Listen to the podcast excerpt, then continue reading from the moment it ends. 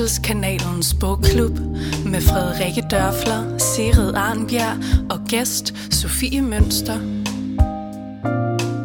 Om bogen Den bedste start på livet. Velkommen til vores fuldstændig nye og meget, meget spændende koncept, Fødselskanalens bogklub. Jeg er så excited. Ja, det er simpelthen fantastisk. Og vi håber, at I alle sammen kommer til at synes, at det er lige så fantastisk, som vi synes. Ja, fordi vi har i lang tid sådan tænkt, at det kunne være spændende at få nogle mennesker ind, som vidste noget andet end os, fordi vi har jo siddet her og snakket i tre år nu, øh, om alt, hvad vi ved, men en gang imellem, så er det jo også meget fedt at få noget andet input, og det har vi gået og grublet over, hvordan vi skulle gøre. Og så øh, fik vi simpelthen ideen til denne her bogklub, som vi tænker er en rigtig fin måde at få andre menneskers viden ind i vores podcast. Ja, altså det, der ligesom kendetegner den her podcast, det er jo, at vi er fagpersoner, og selvfølgelig så er alt, hvad vi fortæller, ikke fuldstændig sådan hardcore medicinsk faglig viden, men vi kan godt lide, at der ligesom er sådan et fundament af ekspertviden, hvis vi selv skal sige ja. det. Og det, vi har gjort nu, det er, at vi har simpelthen lavet en liste over kloge mennesker, nogle af vores idoler, som vi synes har skrevet nogle fuldstændig geniale bøger om et eller andet graviditetsrelateret, eller familiedannelse, eller noget omkring fødsler. Og øhm, så har vi inviteret dem ind i vores studie, og der er simpelthen kommet rent ja over linjen indtil videre. Vi har ikke skrevet til alle endnu, fordi det blev lige lidt overvældende. Men vi har valgt nogle stykker ud til yeah. at starte med, og øhm, det kommer bare til at blive helt vildt godt. Det tror jeg, det tror jeg virkelig. Så øhm, vi vil kaste os ud i dette års første episode, men også denne bogklubs første episode. Ja, og det kan være, at du vil introducere, Fred, hvem der er vores aller, aller første gæst. Det kan du tro. Vores gæst i studiet i dag er Sofie Mønster. Sofie Mønster er kandidat i statskundskab og har en bachelorgrad i psykologi. Hun er stifter af Nordic Parenting, og så står hun bag metoden tilknytningsbaseret opdragelse. Sofie er fast børne- og forældrerådgiver på Godmorgen Danmark, hvor hun vejleder forældre i, hvordan de taler og omgås med deres børn. I 2018 udpegede den daværende regering Sofie som formand for Børne- og Socialministeriets opdragelsespanel, der skulle levere uafhængige forslag vedrørende børne- og familiepolitik. Hun har i alt udgivet tre bøger. Hendes nyeste bog, Den bedste start på livet, udkom i september 2021, og det er den, vi skal snakke om i dag. Hej Sofie, og øh, velkommen til. Tak. Det er dejligt, at du kunne komme i dag. Selvfølgelig. Jeg tænkte, bare for sådan en god ordens skyld, nu kommer vi til at snakke meget mere om, hvad du ved en masse om, men øh, for sjov skyld tænkte jeg, øh, at det måske kunne være fedt, at du lige fortalte noget om, øh, hvad dit eget forhold til sådan graviditet, fødsel og barsel er. Oh, hvad er mit eget forhold til det? Jeg er helt færdig med det. det er et godt sted at være. jeg har født tre børn, ja. og jeg skal ikke føde flere. Jeg skal heller ikke være gravid med flere. Men, øhm, men altså, det, jeg har jo nok det forhold til det, at jeg af en eller anden grund jo må elske at være det, siden jeg har valgt at få tre børn. Mm. Så jeg, øhm, jeg har altid haft nogle relativt sådan, synes jeg, enkle graviditeter. Nu siger jeg det nu, fordi det er på afstand. Enkle fødsler, men øh, har ikke været så god til at være på barsel. Så det er faktisk noget, det er lidt fortryder, at jeg ja, ikke har prioriteret okay. min barsel lidt mere, men jeg har jo været selvstændig ja. alle årene, så på den måde er det nogle gange lidt svært. Men, øh, men jeg kan godt lide at få børn. Dejligt. Dejligt, dejligt, dejligt. Det kan med jo godt lide at høre. Det kan vi jo nemlig godt lide at høre.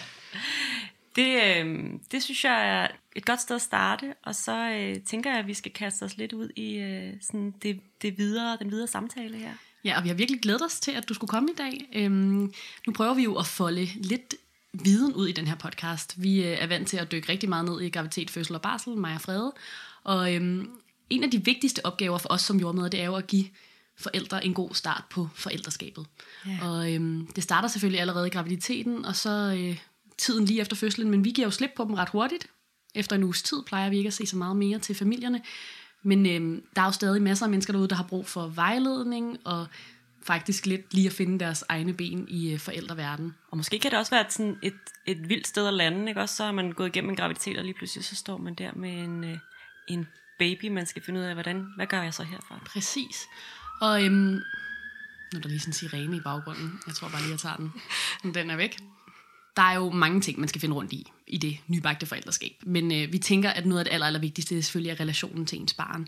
Og jeg må indrømme sådan, da vi overvejede, om vi skulle have dig med i podcasten, Sofie, så var jeg sådan en lille smule skeptisk over for ideen om en bog om opdragelse. Jeg kunne godt få sådan en følelse af, at det var måske nogle flere regler, der blev stillet op for, hvordan man skulle være forældre, og nogle flere sådan, strategier, man skulle lære, og bestemte måder at være på. Øh, men jeg er faktisk blevet sådan rigtig positivt overrasket. Altså i forhold til, at jeg ikke selv har nogen børn, så har jeg bare et den her bog, og synes, det har været helt vildt spændende. Øhm, men det kan være, at du selv vil præsentere din bog, som du har udgivet her i øh, september 2021. Den hedder Den bedste start på livet. Vil du fortælle os lidt om den? Ja, det vil jeg gerne. Altså afsættet for bogen var en sådan en efterhånden flereårig fascination af tilknytningsteorien. Øhm, forstået på den måde, at jeg har skrevet bøger før, jeg har arbejdet med børn og forældre jo i mange år, men på en eller anden måde, så de senere år, så fik jeg mere og mere sådan en, en lyst til at skære ind til benet, og i virkeligheden spørge mig selv, hvad er vigtigst? Fordi der er rigtig mange råd, og jeg kan selv blive træt af alle de mange råd til, hvordan et barn skal spise, og hvordan et barn skal sove, hvad for noget. Altså, der er så mange regler, øhm, og, og jeg havde ikke lyst til selv at være en, der kom med flere regler. Øhm, jeg har jo været en del af det her længe, debatten længe, øhm, så jeg tror, jeg trængte til at skære ind til benet og sige, at al viden skal ikke ophøjes til afgørende, når det reelt set kun er ganske få ting, der er det. Altså i de fleste tilfælde, der skal man altså bare gøre, hvad man selv synes som forældre. Ikke? Hvad synes jeg selv? Hvad mener jeg? Go for it. Ikke? Mm. Øhm, det er egentlig det, barnet har bedst af, hvis man spørger mig. Men så er der alligevel nogle ting, som er mere fundamentale, som handler om sådan nogle grundlæggende vilkår for, hvordan et barn udvikler sig som menneske.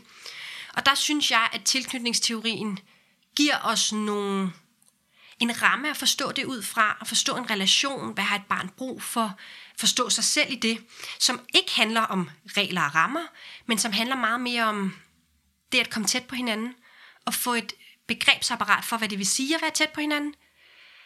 Og det er faktisk noget andet end at være perfekt og gøre alt det rigtige. Øhm, det handler meget mere om at ture at være sig, og i virkeligheden acceptere, at barnet så også skal have lov til at være sig selv. Ikke? Den der forståelse for, at jeg har værdi som mor, fordi jeg ikke er ligesom andre, og mit barn har værdi som barn, fordi det er ligesom sig selv.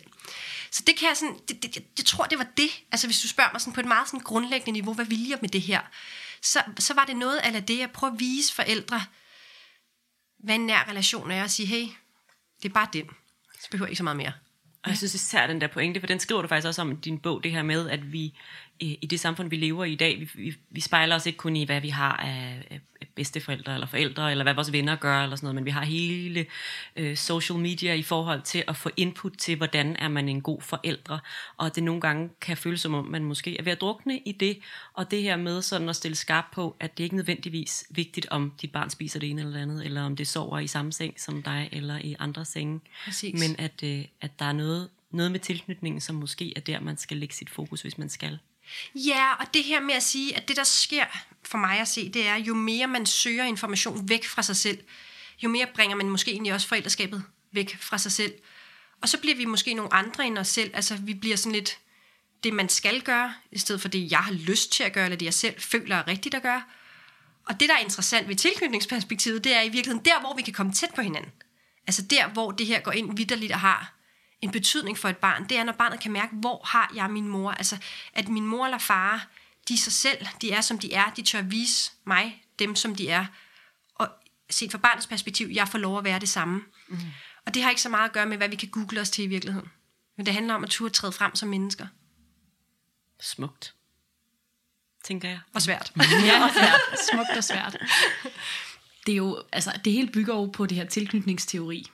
Og øh, jeg ved ikke, om du har, sådan, har lyst til at folde lidt ud for os, hvad det egentlig betyder. Jeg tænker, der sidder mange derude, som ikke rigtig ved, hvad, hvad er det egentlig? Ja, for vi har hørt om det, og vi ved godt, hey, det der med tilknytning vil være, må være vigtigt, ikke? Og vi har også hørt noget om sådan noget med tryg tilknytning og noget med utryg tilknytning. Altså det tror jeg sådan, at det folk har hørt. Men hvis vi skal kode det ned til det, der er vigtigt at vide, så er det ikke sådan noget med tryg, utryg. Det behøver vi ikke forholde os så meget til. Det behøver vi ikke bekymre os om, hvis I spørger mig lige nu. Det, der er det vigtige, det er at forstå, at tilknytning, det beskriver en følelsesmæssig kvalitet ved en relation.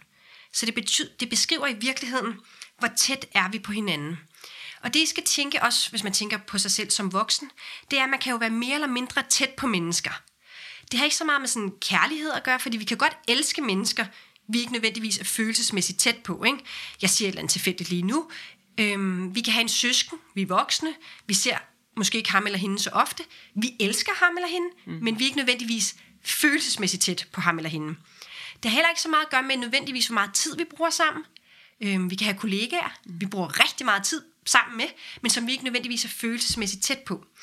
Men det, som tilknytning beskriver, det er sådan den der nærhed, som, øh, som fra et barns perspektiv opstår, når barnet får den der grundlæggende fornemmelse af, at ligegyldigt hvor irriterende, eller besværlig, eller umulig, eller altså sådan en mundfuld, jeg er for, for min mor eller far, så er jeg god nok til dem. Hvis barnet har den grundlæggende fornemmelse, at jeg tør dele alle mine følelser, fordi der bliver taget godt imod dem, og jeg får hjælp til at komme videre igen, for jeg kan ikke hænge fast ved alt det dårlige. Jo mere vi kan få den sådan, dynamik ind i relationen, desto, desto mere vil barnet få en fornemmelse af, at jeg, jeg, jeg kan vise det hele, og dermed lærer barnet ligesom sådan at sige, jeg er værd at lytte til, fordi min morfar lytter til mig, og så vil barnet jo med tiden lære at lytte til sig selv, og få den der følelse af, at jeg har værdi som menneske. Ikke? Så det, det handler meget om den der følelsesmæssige kvalitet ved en relation. Jeg synes, det er ret spændende, det du siger med, med de dårlige følelser, man kan have, fordi jeg synes, der var ufattelig mange dårlige følelser i din bog faktisk. Altså, det var meget sådan kontroverser, man havde ja. forældre og barn imellem, og øh, der var meget om, at det var helt okay, at børn var vrede, eller skreg, ja. eller ufattelig ulykkelige. Altså sådan, at man, man godt kunne komme godt derfra. Vil du, har du lyst til sådan at uddybe det lidt, hvorfor der kan være noget godt i, at der også er svære følelser? Ja, altså det har jeg. På det principielle niveau, så handler det om, at i et almindeligt liv, der er der både gode og dårlige dage. Og det er ikke synd for børn, at deres liv er normalt. Så det er sådan det helt grundlæggende fundamentale. Det er sådan, livet er. Så kan man sige det sådan, at svære følelser er en vigtig del af det at vokse op, at kunne være i hele følelsespektret. At man lærer som barn at kunne kende forskel på, hvad vil det sige at være frustreret, hvad vil det sige at være skuffet, hvad vil det sige at være vred, øh, misundelig, glad, begejstret, øhm, overstadig, hvad det end kunne være. Og, øh, og, og hvis ikke et barn får lov til at opleve alle de her følelser, så vil det ikke få de erfaringer, der skal til for, at det kan lære at være i det. Men det vil møde det igen og igen, for det vil stå i situationer igen og igen, øhm, hvor, hvor det vil møde de følelser. Og det kan man sige, det der sker i tilknytningen, det er, når vi er får lov at være tæt på vores mor og far, fordi de tager godt imod alle vores følelser, så er det barnet får grundlaget for at lære at regulere de her følelser. Lære at være i dem, vide hvad jeg skal gøre med dem, og kunne komme videre fra dem igen. Så det er sådan den, den, sådan, hvad skal man sige, den dynamik, der er i spil set fra et barns perspektiv. Og så er der også den anden del af det, alt det svære. Måske har jeg bare brug for at sige, at svære følelser bliver først rigtig svære, hvis man føler, man er alene med dem, eller står isoleret med dem. Vi kan være i ret meget som mennesker, hvis vi har nogen, vi kan gå til. Og det er egentlig bare det, vi gerne vil med den her relation, set fra mit perspektiv. Barnet må have det, som det har det. Og det er ikke forældres opgave at forsøge at få dem til at have det på en anden måde, end de har det. Og når de får den fornemmelse, der er nogen, der er der for mig selv, når det er svært, så kan de, så kan de være i livet. Og så får de det godt med sig selv og andre. Og det her med de svære følelser, øh, det handler vel også lidt om, at man, øh, at man ikke gør, gør barnet forkert for at have svære følelser. Altså at det, det også får lov til at, øh, at, at have dem som, som en del af følelsesregistret. Præcis. Ikke? Er det ikke det, jeg lidt hørt Præcis, sige? fuldstændigt. Ja. Det, er, det er det der med, at at i virkeligheden igen, netop fordi tilknytning beskriver en følelsesmæssig kvalitet ved en relation, så er det, at barnet har brug for den grundlæggende erfaring, at jeg kan dele alle mine følelser med min mor eller far. Jeg, ligegyldigt, hvor, hvor, igen, hvad der kommer fra mig, så så at sige god nok til dem. Og det er det, der giver barnet den der tryghed ved at kunne vise sig selv over for andre. Mm. Og det er jo der, nærheden opstår.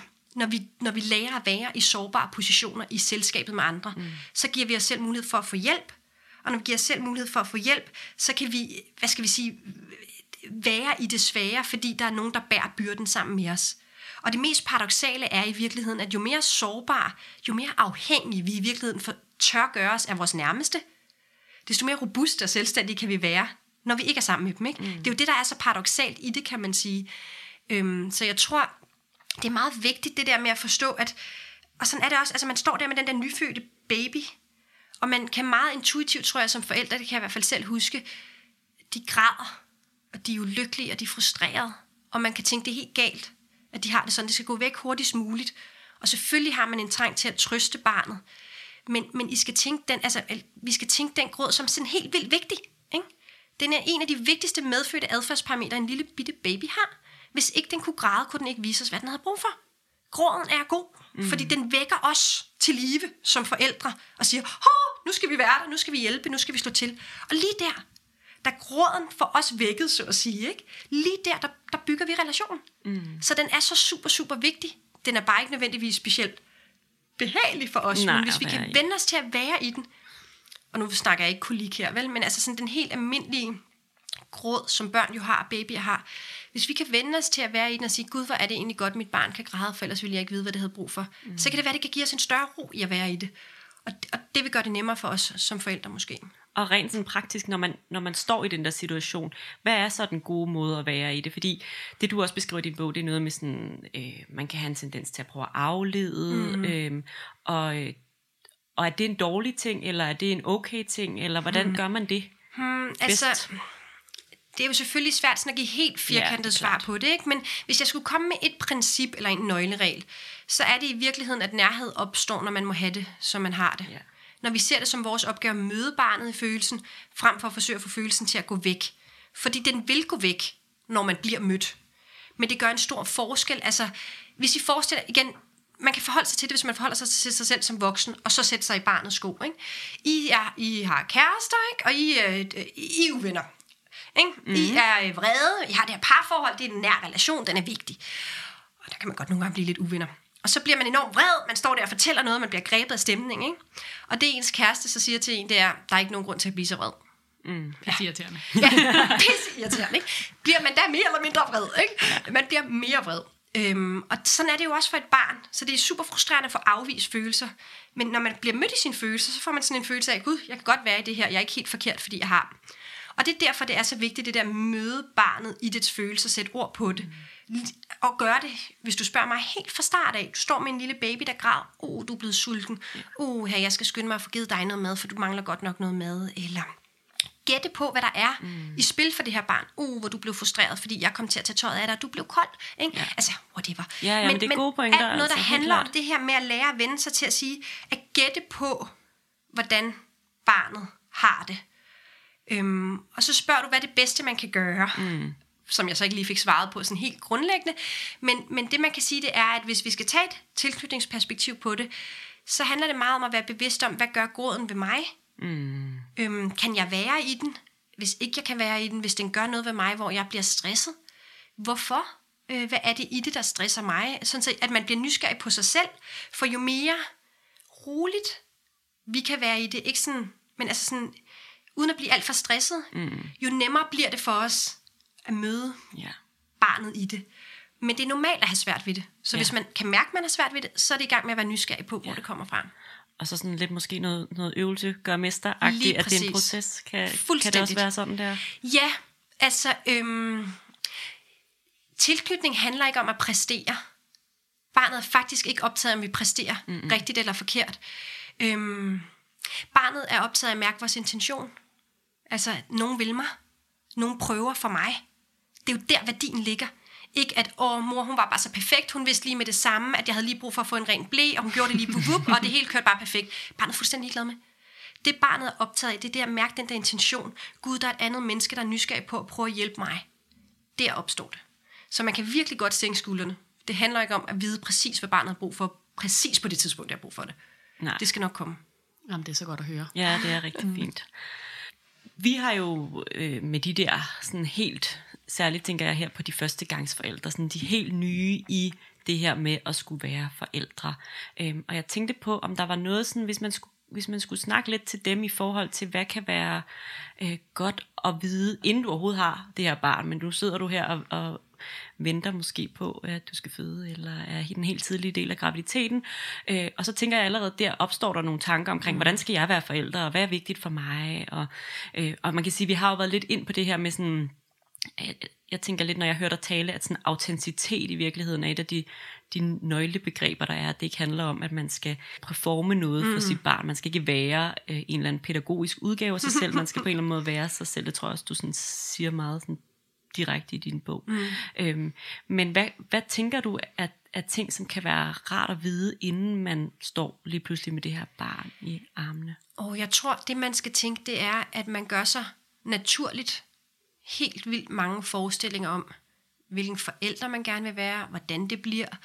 Øh, Man har rigtig mange idéer, rigtig mange forventninger bundet i det. Og sådan skal det være. Mm. Men det man nok skal være opmærksom på, det er, at det der er noget lidt mærkeligt noget, det er, at når man så bliver forældre, så vil man opdage, at øh, barnet vækker nogle følelser i en, som på en eller anden måde har en helt anden dybde og en helt anden højde, end man har været vant til før. Øhm, og det betyder også, at barnet kan vække noget meget primitivt i en. Altså man kan opleve, at man bliver meget mere primitiv, mm. end man egentlig har været vant til. Man har måske været vant til at være nogenlunde i kontrol med sit liv. Man er voksen, man har styr på det måske, ikke? Og så, så står man med det der barn, og så kan man bare få den der følelse af, jeg har ikke styr på noget som helst. Øhm, det er helt, helt naturligt. Børn vil vække de følelser i os.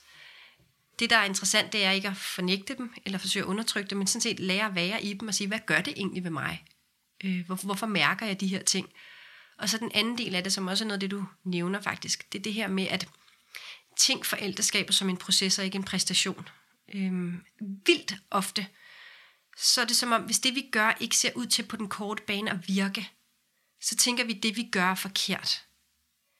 Men det er ikke nødvendigvis rigtigt. Altså lad os sige, hvis vi tager babyen, der skal lære at spise som et eksempel. Ikke? Vi har et barn, der skal lære at få mad. Første gang afviser det, anden gang afviser det, tredje gang afviser det. Shit, det lærer aldrig at spise. Ikke? Det er den sådan intuitiv tanke, man kan få, eller, åh, var det altså, helt forfærdeligt for mit barn, eller søn, eller gør jeg noget forkert, burde jeg gøre noget andet. Man genbesøger ekstremt meget, fordi vi som forældre har naturligt rigtig meget fokus på det, man kunne beskrive som resultatet. Går det godt eller dårligt, så at sige. Ikke? Og der tror jeg, det er sindssygt vigtigt at kunne være i processen med barnet. Det tager den tid, det tager.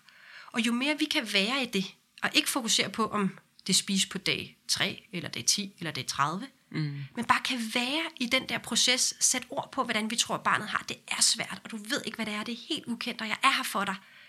Og bare oprigtigt være i den proces. Hvis vi kan sige det til os selv, det er processen, der er det vigtige, og ikke om det går, så at sige, godt eller dårligt. Desto nemmere vil det være for ja. os selv, og desto nemmere vil det være for barnet. Ja. Og det er jo, jeg tænker også, at en proces med et barn er jo også til en proces, hvor at øh, barnet hele tiden udvikler sig, så man når også nogle gange at tænke sådan, nu har jeg den. Ja. Det er sådan her, baby skal sove, ja. for det går godt. Ikke? For så at skifte. For så, at der så sker noget nyt. Ja. Så det er, vel også, altså det er vel også det, man på en eller anden måde må være med, at selv når man tror, man har fundet ud af, hvad der er op og ned på det hele, eller hvad der fungerer for min baby, så er det måske noget andet. Jamen, du kommer ikke til at føle, at du har styr på det før om sådan 18 år, når de flytter hjemmefra. ja. øhm, jamen altså, ja, øh, sådan er det. Og så skal man også huske på, at børns udvikling er ikke lineær. Det er sådan lidt, nogle gange, når vi har set en udvikling, så kan vi tænke, om så er vi forbi et eller andet ja. stadie, og, så, øhm, og så, så skal vi ikke tilbage til det, der var svært og vanskeligt, at vi ikke rigtig kunne være i. Men det er bare så øv. Men børns udvikling er ikke lineær. Altså, de kan lige så godt tage to skridt frem for at tage tre skridt tilbage, eller gøre noget andet, eller være i noget andet, som du siger, være i et eller andet udviklingsspring, eller de lige pludselig opdager noget nyt. Eller, det kan være en million årsager, ikke? Øhm, så det der med, hvis vi kan minde os selv om, at det ikke er meningen, det skal være linært, så tror jeg igen også, at det kan få lov at rode lidt mere. Altså, jeg ved ikke, hvordan jeg skal sige det, men jo mere besværligt vi i virkeligheden med os selv kan acceptere, at relationen mellem barn og forældre er, at ja, I vil ikke altid det samme, vi ser ikke altid ens på det, og det er faktisk helt godt. Ja. Fordi hvis meningen var, at vi skulle være ens, så ville vi jo ikke kunne være os selv. Så, så det her med at kunne være i, at det faktisk er okay, vi vil noget forskelligt, og jeg gør det så godt jeg kan, og når jeg viser dig, at min intention er at prøve at hjælpe dig, så er alt godt. Så er alt godt. Det tror jeg vil kunne give en eller anden form for ro i det der med, at, at det er som om nogle gange, at meningen er, at barnet skal være glad altid. Mm. Men altså, de mennesker, der er glade til i livet, er det jo, fordi de ikke altid er det. Altså hvis I forstår, hvad jeg mener, ikke? Ja, for der er noget, de ikke viser ja, måske, eller under, præcis, der, fordi de, de tør vise, når de ikke er det. Dem, der, hvad skal vi sige, lader som om, at de har styr på det hele, eller bare sætter happy face på, det er jo fordi, de undertrykker et eller andet i dem selv, og det, er jo, det, det, det kan man jo ikke. Ja, eller måske det der med, som du har sagt, altså er vant til at dele med følelserne alene derhjemme, ja. ikke også? Og det kan jo også blive en ensomt, et ensomt liv, hvis ja, man ikke og det, og det, der er svært for os moderne forældre, det er, her står vi så med den her tilgang til opdragelse, som hviler på tilknytning og relation, og, og alt lyder bare så godt i bogen, og det hele er bare fedt, ikke? Og uh, hvor ville det bare være godt at have en nær relation til sit barn. Men det, man bare er nødt til at have med sig, det er, at det er altså de færreste af os, der selv er vokset op med det.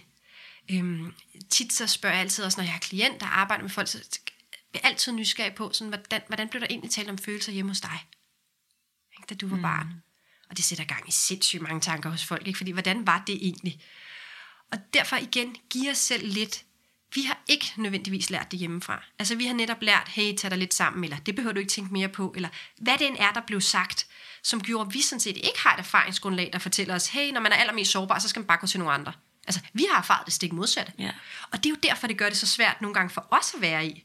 Fordi barnet udløser jo også den sårbarhed i os selv, ikke? Har jeg styr på det? Kan jeg? Kan jeg klare det? Er jeg god nok? Øh. Og den erfaring, vi har, mange af os, med hjemmefra, det er, at når du har det sådan, ikke? Få styr på situationen, handle, ikke? kontrollere, Ja. gør hvad du kan, Ja. så skal det gå væk. Ja. Ikke? Og det kan man ikke med et lille barn. Det gør, hvad det passer den, lige når det passer den, ikke? Sådan er det. er vanvittigt interessant, og jeg synes jeg er en virkelig, virkelig vigtig pointe, det der med, når man også står og føler sig, at, eller når man står der og føler, at man kommer en lille smule til kort, og måske ikke rigtig, netop måske kan rumme følelserne, altså mærker i sig selv, jeg har meget, meget svært ved at rumme dig lige nu, jeg ved godt, teoretisk set, det er det, jeg skal, og det er det, jeg bør, og sådan, men i praksis føles det rigtig, rigtig grænseoverskridende for Yes. mig lige nu, fordi jeg måske ikke har lært at rumme mine egne følelser Yes. i virkeligheden. Ikke? Ja, og fordi jeg ikke har lært, altså fordi jeg har lært, at det at være sårbar, det er et frygteligt sted at være, for jeg har været der alene. Mm. Og det vil sige, når det her barn så udløser den sårbarhed i mig, så føler jeg mig faktisk mutters alene. Og min strategi, det vil være typisk, ikke? Den strategi, en af de strategier, man kan tillægge sig, det vil være sådan noget med, okay, så skal jeg jo have det til at gå væk.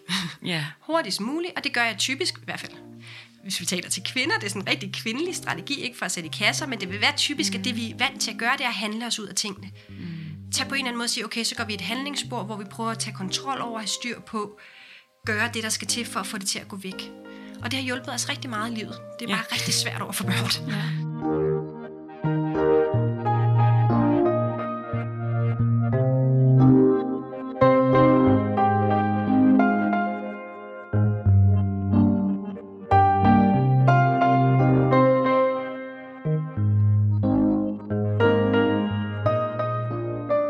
Men jeg synes, det er ret spændende det her med, at det jo både handler om opdragelsen, og hvilken barndom man giver ens børn, men også, at man selv bliver klogere altså på sig selv Ja. undervejs. Og du siger også i bogen, at, at når man oplever, at man gør et eller andet som forældre, og man så bagefter skammer sig, eller føler, at det var ikke helt rigtigt det her, at det er jo der, man rent faktisk udvikler sig. Yes. Og det er jo bare, ah, det er sådan nogle ting, der er rigtig dejligt at læse, ikke? fordi det er jo det, man, det er det, jeg forestiller mig, man godt kunne frygte, hvis man begyndte at læse den her bog. Det var sådan, uh, kan jeg det her? Sådan, Ja. Vil det lykkes for mig at være på den her måde? Ikke? Jo, og det er også derfor, det er virkelig vigtigt for mig ikke at skrive sådan en, her er listen over alle de ting, du ikke må. Øhm, igen, jeg synes, det forsimpler ting. Altså, så nogle gange, så kan der være sådan nogle påstande om, at og jeg, siger, prøv, jeg står ikke her, eller sidder ikke her og, og fortaler for skæld ud, men, men nogle gange, så kan man læse sådan nogle ting om, at hvis barnet bliver skældt ud, øhm, så, så, så, så elsker det ikke længere sig selv, ikke? Og for mig bliver det for ekstremt, fordi jeg, jeg, igen, jeg er ikke fortaler for skæld ud overhovedet, men, men ting er mega komplekse. Altså en psykologisk udvikling hos et barn, det påvirkes af så mange faktorer. Og, øhm, og det, der er pointen, er ikke nødvendigvis, at vi ikke må træde ved siden af, for det må vi egentlig gerne. Det, der er pointen, er, at vi sørger for at reparere det igen. Samler vi det op. Øhm, fordi det er en mega vigtig for erfaring for et barn, at selv i de relationer, der er allervigtigst, ikke, hvor det betyder allermest, der kan det være rigtig godt og dejligt, det kan blive svært, og det kan blive godt igen. Det giver en en grundlæggende, hvad skal man sige, kalibrering i forhold til, hvordan er et rigtigt liv? Hvordan kommer dine andre relationer til at være? Jamen, de er ikke perfekte hele tiden. Det vil være lidt op og ned nogle gange. Og derfor er det, tror jeg, rigtig vigtigt at sige, at der, hvor jeg synes, refleksionen opstår, det er ikke ved, at jeg kommer med en liste til folk, hey, du må ikke gøre det, du må ikke gøre det, du må ikke gøre det, men meget mere at sige, de situationer, som bagefter udløser noget i dig selv. Sådan en, uh, hvor ville jeg ønske, jeg havde gjort noget andet, eller, uh, det her fortryder jeg, eller, øh, jeg har dårlig samvittighed, eller det der, hvor det, det, det gør et eller andet ved en. Det er ens egne standarder, der der kommer i spil, og det er jo det, der er det vigtige. Det skal ikke være mine standarder, bogens standarder, men dine standarder. Et eller andet her, du gerne ville have gjort anderledes. Prøv at være nysgerrig på, hvad skete der der, og det er der jo så en metode til at prøve, hvordan man kan udfolde, ikke? Men, men prøv at være nysgerrig på det, fordi det er der, hvor man rent faktisk kan få den der, jeg kan flytte mig, og det hele skal nok blive godt igen. Meget inspirerende. Helt, helt Og sikkert. øhm, Sofie, din bog den handler jo om børn sådan fra 0 til 5 år, så du har sådan et godt aldersspænd, og nogle gange så deler du det også lidt op, sådan, så du har nogle råd til forældre til barn, til forældre til børn, der er et år gamle, eller forældre til børn, der er lidt ældre osv. Ikke? Men hvis vi dykker lidt ned i sådan de her aller, aller yngste børn, som der er jo mange af vores lytter, der skal til at have, Øhm, har du nogen sådan, det ved jeg jo, du har fra Ja. bogen, tips til sådan samværet, når man er sammen med, med de her helt små babyer, som måske er knap et år eller endnu, endnu Ja. mindre? Det, jeg vil sige, der er rigtig vigtigt at huske på, det er, at den nære, altså den trygge tilknytning, den nære relation, der er omsorgen og trygheden, og det at blive mødt i følelserne, når, når de er svære, den er lige så vigtig som det at blive mødt i udforskningen og lejen.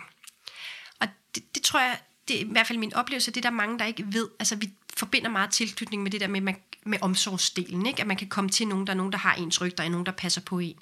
Men faktisk er det lige så vigtigt for et barn og en lille baby at mærke, at det, at jeg udforsker mig selv, hvem er jeg, hvad kan jeg lide, hvad synes jeg er sjovt, det er en lige så vigtig del af det, at mærke, at mor og far er trygge ved det. Og det handler enormt meget om sådan noget, hvad der sker, når det er en lille bitte baby.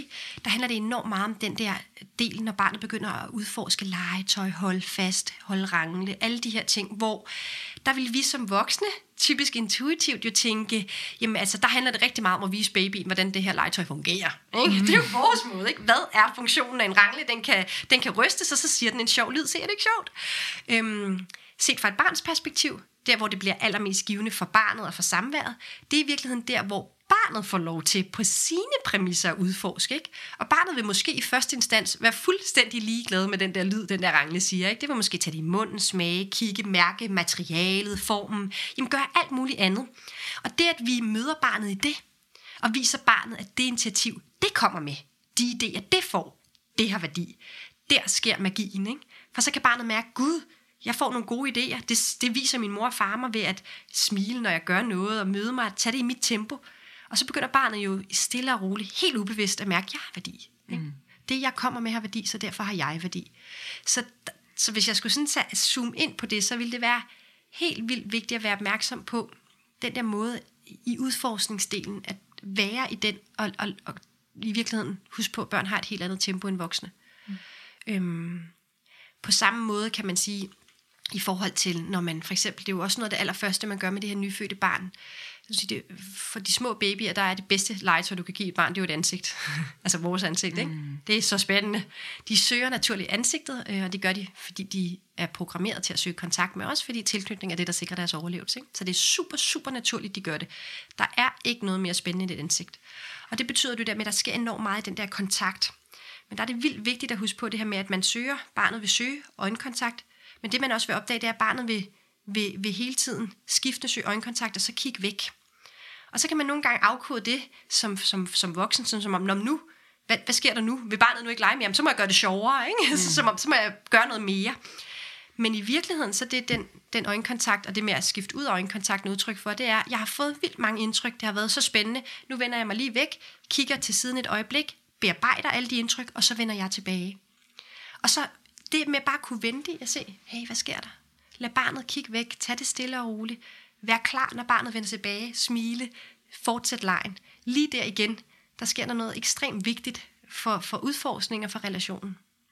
Så kan jeg jo ikke lade være med, når vi lige snakker om det her, at tænke på mobiltelefoner. det her kan vi lige bare lige ikke fordi vi, altså, vi har jo alle sammen mobiltelefoner, og vi bruger dem alle sammen og sådan noget, så det er jo ikke fordi, at, at man skal sådan totalt hate på mobiltelefoner. Men jeg får et indtryk af, at de kan være problematiske i denne her tidlige del, ja. fordi de tager noget opmærksomhed? Jamen fordi, altså det, det man kan sige, der sker, det er jo, at babyens signaler i forhold til udforskning leg er stadig ret subtile. Mm. Forstået på den måde, hvis du havde en treårig, så ville de kunne sige, kom og lege med mig, kom her, hiv i, hår, øh, hiv i, um, i armen. Altså, de kan gøre det meget tydeligt. Hvor barnets, hvad skal vi sige, invitation til leg, når det er en lille bitte baby, er jo super meget mere subtil. Ikke? Altså, der er jo nærmest ikke engang lyd på, vel? Mm. Nødvendigvis. Ikke? Det, det er et blik, det er en måde at kigge på, det er et lille... Altså, det, det, det sker jo enormt meget bare i sådan nogle helt små bevægelser. Og det er klart, at det kræver jo opmærksomhed. Ja. Så, så det, man skal, tror jeg, bare være opmærksom på, det er at skab zoner, hvor den ikke er. Ja. Den er der. Det er en del af livet, sådan er det. Men skab zoner, hvor den ikke er.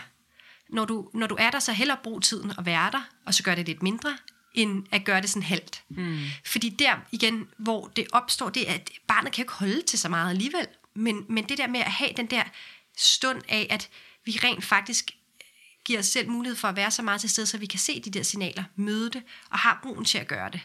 Det gør vi rigtig, rigtig meget for relationen. Ja. En anden sådan familiegruppe eller familiesituation, som jeg synes måske kunne være spændende lidt at høre dit perspektiv på, det er det her øh, med, når man skal have barn nummer to, eller tre, mm. eller fire, eller hvor meget det nu engang kan være. Men den her familieforøgelse, som jeg plejer i min jommerkonstitution at sige, at det, altså, når man får øh, et barn mere, så er det sådan, altså det, det, det handler mere om at stige levels, end det handler om, at det så bliver lettere. Uh, altså ja. fordi, at man kan sige, der er jo en masse ting, der bliver lettere, fordi du har holdt et, et spædbarn øh, før, og du har øh, måske øh, ammet, eller i hvert fald har du nogle erfaringer med dig fra sidste barn, som du selvfølgelig kan trække på igen, og det, det behøver du ikke at lære en gang til. Øh, så denne her, sådan, går det i stykker, det her barn, mm. jeg har i mine hænder, den er der måske ikke så meget. Men til gengæld, så skal du lige pludselig til at balancere to relationer, eller, eller flere for den sags skyld. Øh, så det her med at have et, et nyfødt barn, du på en eller anden måde skal mm. varetage øh, dets behov, men også øh, et barn på tre eller fire, eller hvor gammel man nu er, øh, som har nogle helt andre behov, og som jo også øh, ser sit liv lige pludselig blive ændret fuldstændig, fordi det har været vant til Præcis. at have et liv, hvor det måske har været enten den yngste eller den eneste, øh, og lige pludselig får, får et helt andet liv. Præcis. Altså, jeg vil sige det sådan, det, er, det her er personlig anekdote, men jo flere børn, jo mere kompliceret. Det, og jeg ja. har tre. Jeg stopper her, vil jeg bare sige. det er rigeligt kompliceret til min smag. Øhm, hvad hedder det? Det, det? Det er klart, at der er nogle ting, som du selvfølgelig kan føle, at det her har jeg prøvet før, så selvfølgelig har jeg en anden tryghed i det, som du siger, det kan være amning, eller det at vide, hvordan putter jeg, eller det at altså, holde et barn bare, mm. ikke? Sådan noget, at, at have den erfaring er selvfølgelig noget, der giver en en tryghed i forhold til den nyfødte baby. Men, men det, der er udfordringen, når flere børn kommer til, det er jo det her med, at behovene lige pludselig opstår ud, altså der er flere mennesker med behov, og de er ikke i synk. Det er de sjældent, lad mig sige det sådan. Mm. Ikke? Så man kan føle, at man konstant og hele tiden har børn, i det her tilfælde, omkring sig, der har brug for noget fra en. Og ens egne behov, de ligger bare nede på, altså som allernederst på listen. Ikke? Altså hvis man overhovedet får tisset, ja. så har man gjort det godt. ikke. Ja. Øhm, og det, og det, det er mega udfordrende. Så er der det udfordrende i det sådan helt grundlæggende. Hvordan reagerer et lille barn på, der kommer et nyt lille barn? Hvad betyder det for relationen mellem en som forældre og det store barn? Hvilket mm. kan være en naturlig bekymring.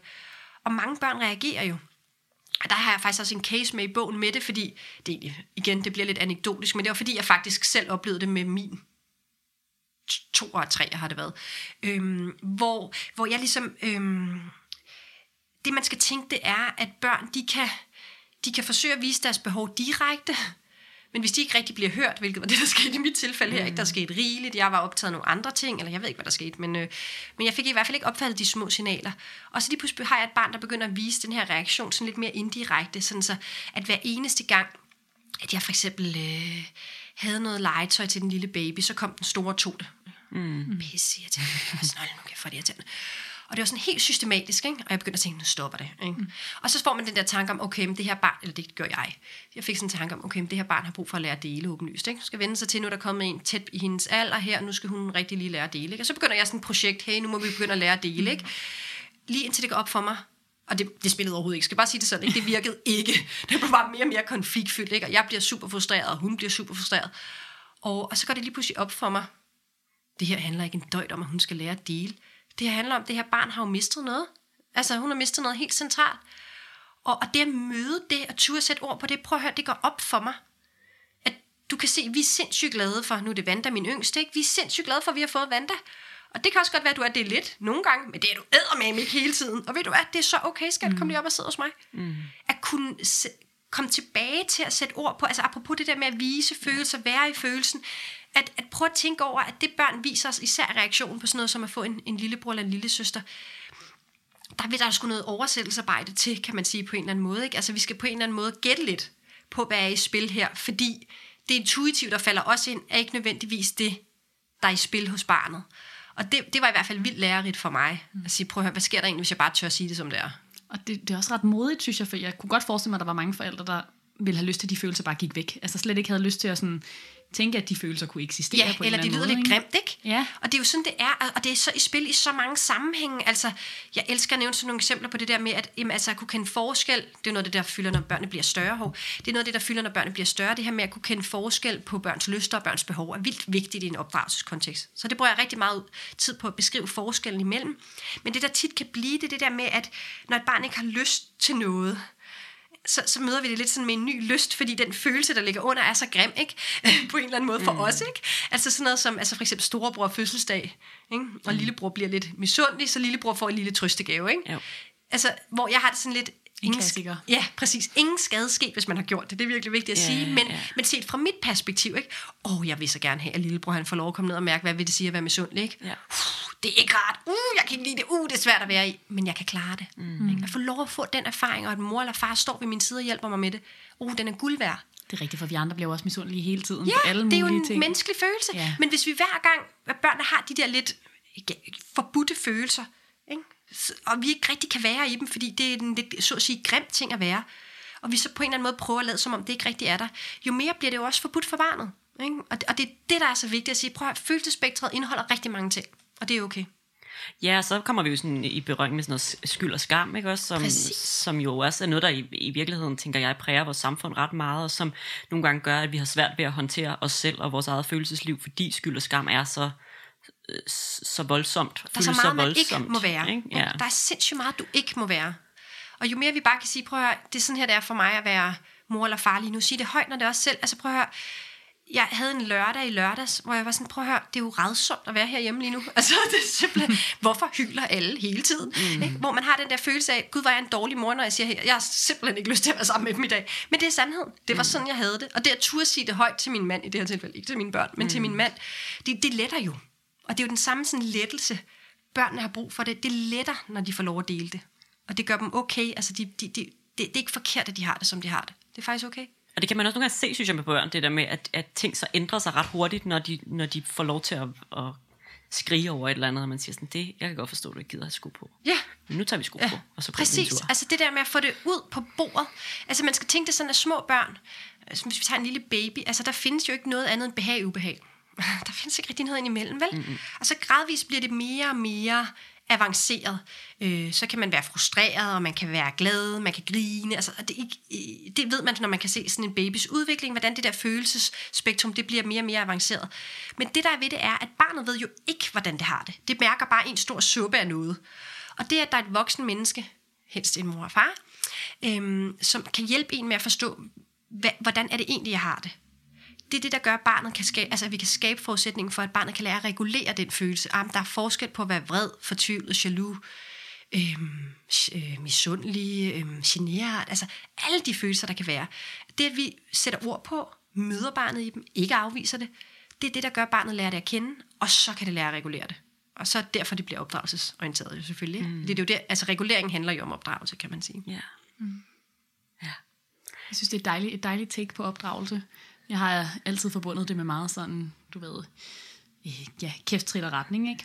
Ja, altså det der er ved det for mig, og det er faktisk, måske hvis man spørger mig, det vigtigste opgør, jeg forsøger at tage med den her bog, det er at sige, man har indtil videre diskuteret kæft, trit og retning, som sådan en modsætning til moderne opdragelse, sådan lidt mere konsensussøgende, hvis vi bare alle sammen kunne være enige. Men der, for mig er de to retninger ens, i den forstand, at de forsøger begge retninger at skabe en eller anden ideal tilstand af, at, øh, at det bedste er ro og harmoni. Det er bedst, hvis vi kan være enige. Ikke? Så i gamle dage bestemte de voksne. Nu bliver der måske lagt rigtig meget magt over til barnet. Ikke? Men det er hele tiden med et forsøg på at få skabt ro og harmoni. At der er styr på situationen. Ingen gråd, ingen besvær, så at sige. Mm. Jeg ser det helt anderledes. ja. Altså helt anderledes. Du vil have- for have mig, besværet. Ja, Ja. fordi for mig er øh, relationer, der ikke kan rumme brydninger, de er usunde. Og det ved vi godt som voksne. Sådan er det også i forhold til børn. Så for mig er, er kontroverser, det at vi er uoverensstemmelser, de er ikke et tegn på, at vi har en dårlig relation. De er faktisk et tegn på, at vi, vi, vi er tæt på hinanden. Ikke? Og det her med at så sige, jamen, så er opgaven jo meget mere at sige, hvordan kan man være uenige, men stadig høre sammen.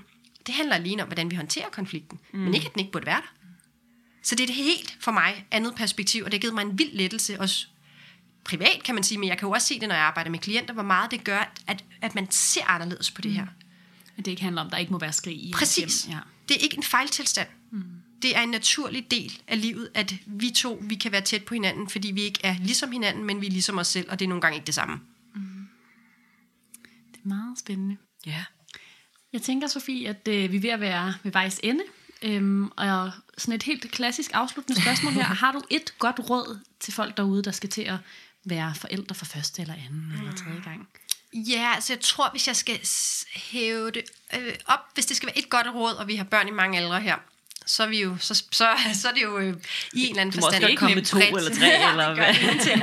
men, men jeg, vil, jeg tror, jeg vil sige det sådan, så, altså, hvad, kan, hvad kan vi sige, det der gør det, hvordan skal jeg sige det, det skal jo ikke være nemt på den måde, men det der baner vejen for den her nære følelsesmæssige relation, det er i virkeligheden sådan en, en tosidig dynamik, hvor det vi vender os til som forældre er gode til at se os selv indefra, øh, forstået på den måde, at vi mærker, hvordan er det egentlig, vi har, hvad er det, jeg reagerer på, hvad er det for nogle følelser, der udløses i mig, når jeg er sammen med mit barn. Så have den der bevidsthed med sig, samtidig med, at vi også er gode til at se barnet indenfra.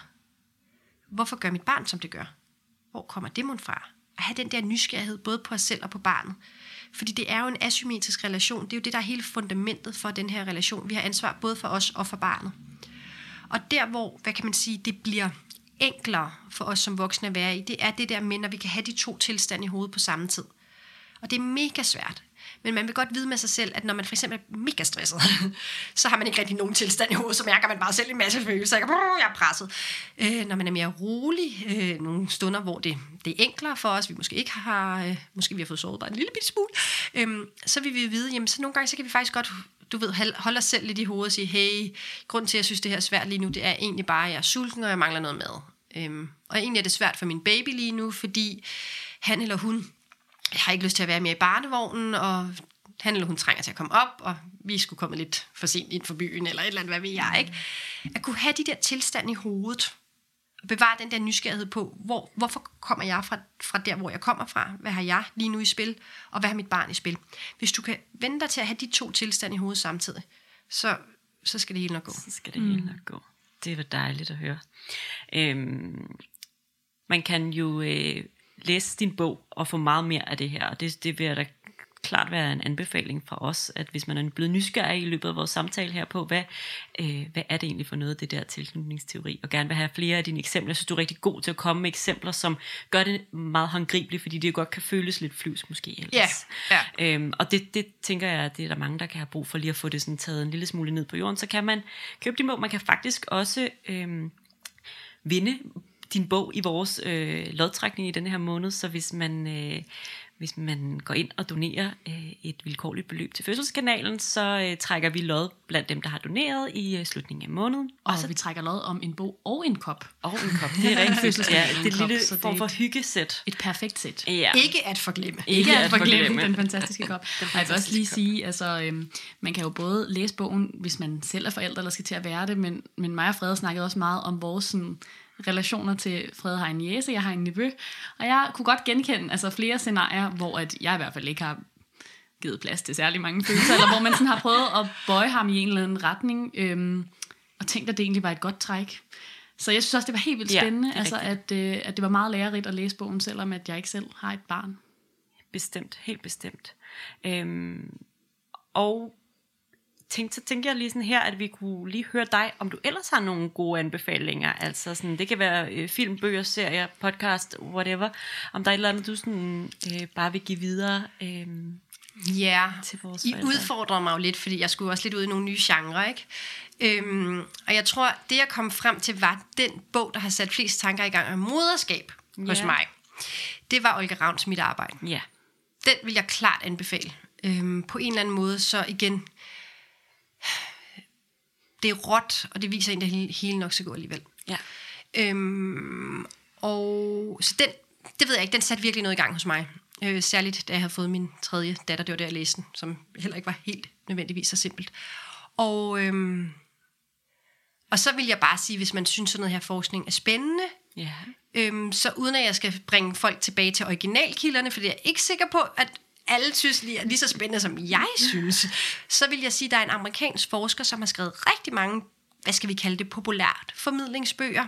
Han hedder Daniel Siegel. Han skriver rigtig meget om tilknytning, og også om alt muligt andet omkring børns udvikling ja. med afsæt i hjernen. Og ham har jeg lært vildt meget af, også i forhold til, at han kan virkelig formidle nogle ting, der er meget kompliceret, vildt enkelt. Og det er jo skønt. Det kan vi Så godt lide. Det vil være sådan to anbefalinger. Ja, nå, men det, det var alt, det er altid, synes jeg. Jeg synes, det er så fedt, Sofie, at du anbefaler Olga Ravns bog, fordi at, øh, hun skriver jo i mit arbejde. Jeg ved ikke, hvad det er, hovedkarakteren siger. Hun siger et eller andet, eller at tilknytningsteori er sådan et tyranni, der er blevet sat ned over kvinder for at holde dem undertrykte, yes, når de bliver det er forældre. Ikke? Men det er jo også, og, og, og på sin vis har hun jo ret, hvis tilknytning fremstilles som det, det er netop, du ved, altid møde dit barn på den perfekte måde, lige nu og her, som det lige præcis har brug for, og du ved, sætte dig selv fuldstændig til side. Det vil jo være forfærdeligt. Men det, det er jo heldigvis heller ikke det, det er. Præcis. Jeg tror ikke, hun har... Øh, tror ikke, at hovedkarakteren i mit arbejde har læst din bog i hvert fald, fordi så ville det være en, en lidt anden fremstilling. Jeg synes bare, det var, øhm, det var lidt sjovt. Ja, det er det. Anerkendt. Fuldstændig. Hun har også nogle, øh, nogle gode øh, sådan, fortællinger om jordmøder, vil jeg sige, i den bog. Der får vi også, vi får meget. Så I får det er rigtigt. Ja, ja, ja. det er så rigtigt. Det er så rigtigt. Men, øh, men jeg synes stadig, den er værd at læse. På mange måder kan jeg godt være med på den, på den anbefaling, helt ja. sikkert. Og så tænker jeg, at vi skal sige tak. Tusind, tusind tak, fordi du gad at komme og Selv tak, og tak, fordi jeg måtte. Klogere. Det har simpelthen været en fornøjelse. Det har Jamen i lige måde, det har virkelig været en fornøjelse.